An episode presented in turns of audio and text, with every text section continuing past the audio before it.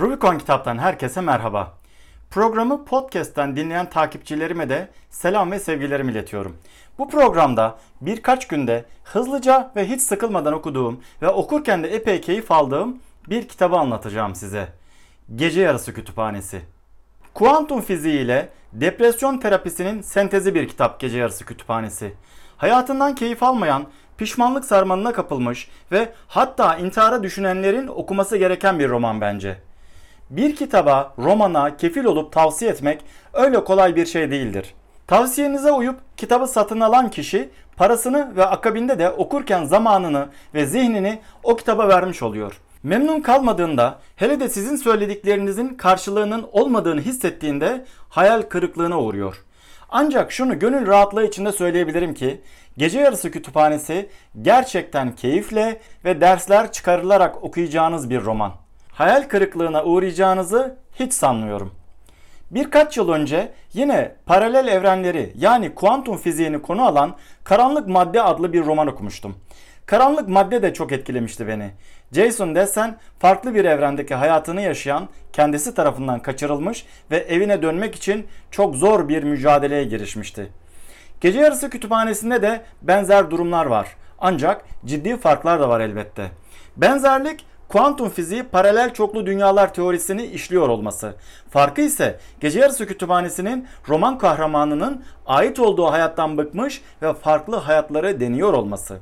En temel fark da bu konuyla ilgili. Gece Yarısı Kütüphanesi'nin yazarı Matt Haig, hayatını pişmanlıklarla dolu olan ve bu yüzden intiharı deneyen Nora Seed üzerinden aynı dertten muzdarip olanlara bir nevi terapi yapıyor. Ben de bu yüzden programın başlığına depresyona iyi gelen roman adını verdim. Gece Yarısı Kütüphanesi çoklu dünyalar ve depresyon terapisi olmak üzere iki ana kulvarda hareket eden bir roman. Depresyon terapisi ile ilgili boyutuna değinmeden önce evvela kuantum fiziği paralel çoklu evrenler teorisini izah etmek lazım. Kuantum çoklu dünyalar yorumuna göre bu evrende yapmadığımız bütün seçimler ve gerçekleşmeyen bütün olasılıkların yaşandığı sonsuz sayıda paralel evren var. Schrödinger'in kedisi deneyinin teoriyi desteklediği belirtiliyor. Çoklu evrenler teorisine dair geniş açıklamanın yer aldığı linkleri altta açıklama metnine bırakıyorum. Bir hayatınızda doktor, diğer hayatınızda kağıt toplayıcısı, bir hayatınızda evli ve çocuklu, diğer hayatınızda bekar veya dul. Mutlu ve mutsuz vesaire. Sonsuz sayıda farklı form var bu teoriye göre ve hepsini de bizim tercihlerimiz oluşturuyor. En küçük bir tercih farkı farklı bir evreni meydana getiriyor. Bu izah yeterli değil elbette. Ancak kitabı okuduğunuzda detaylı anlatımı da bulmuş olacaksınız. Gece Yarısı Kütüphanesi'nin kurgusundan bahsedeyim biraz da. Romanın kahramanı yaşamından hiç memnun olmayan depresyon hastası Nora Seed adında bir kadın. 35 yaşında ve hala evli değil. Karşısına çıkan alternatiflere evet demeyip evlenmemiş olması nedeniyle de ciddi pişmanlık hissediyor. Çok zor günler geçiriyor Nora. Ölen babasını çok özlüyor. Müzik grubuna katılması teklifini reddettiği için abisiyle de arası bozuk. Müzik grubundan koptuğu için kendisi de pişman. Acaba devam etsem nasıl olurdu sorusu zihninden eksik olmuyor. Lisedeyken çok iyi bir yüzücüydü. Babası onun yüzme sporunda ilerlemesini ve başarılı bir sporcu olmasını istiyor ama Nora onu da bir kenara bırakıyor. Yüzmeye devam edemediği için de pişman Nora. Voltaire'in kısaltması olarak Waltz adını verdiği sarman kedisi ölüyor ve Nora'nın yaşadığı bunalım şiddetini arttırıyor.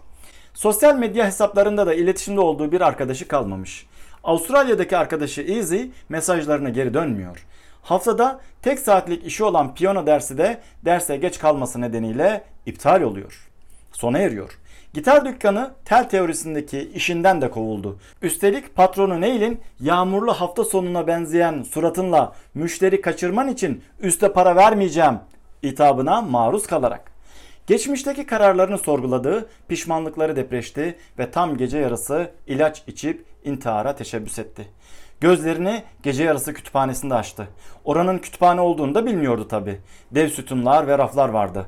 Raflarda da sayısız kitap bulunuyordu bir kadına rastladı. Dikkatlice bakınca çocukken okulun kütüphanesinde görevli olan santranç oynadıkları Bayan Elm'di o. Yine kütüphane görevlisiydi. Ya kitaplar? Kitaplar da Nora'nın çoklu dünyalardaki diğer hayatlarıydı. Nora ölmek istiyor ancak Bayan Elm diğer hayatları da denemesi için onu teşvik ediyordu. Sonra kitapları tek tek karıştırıp diğer hayatlarına seyahate çıktı.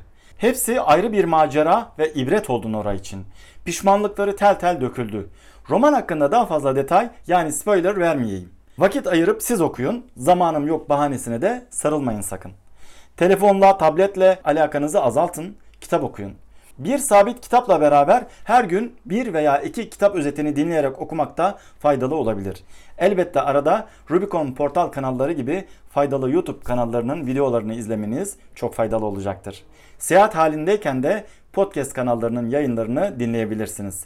Ama illa kitap, illa kitap. Gece yarısı kütüphanesine dair daha fazla detay vermeyeceğim ama çok hoşuma giden bir kısmı aktarmak istiyorum sizlere. 177. sayfadan bir pasaj aktarıyorum.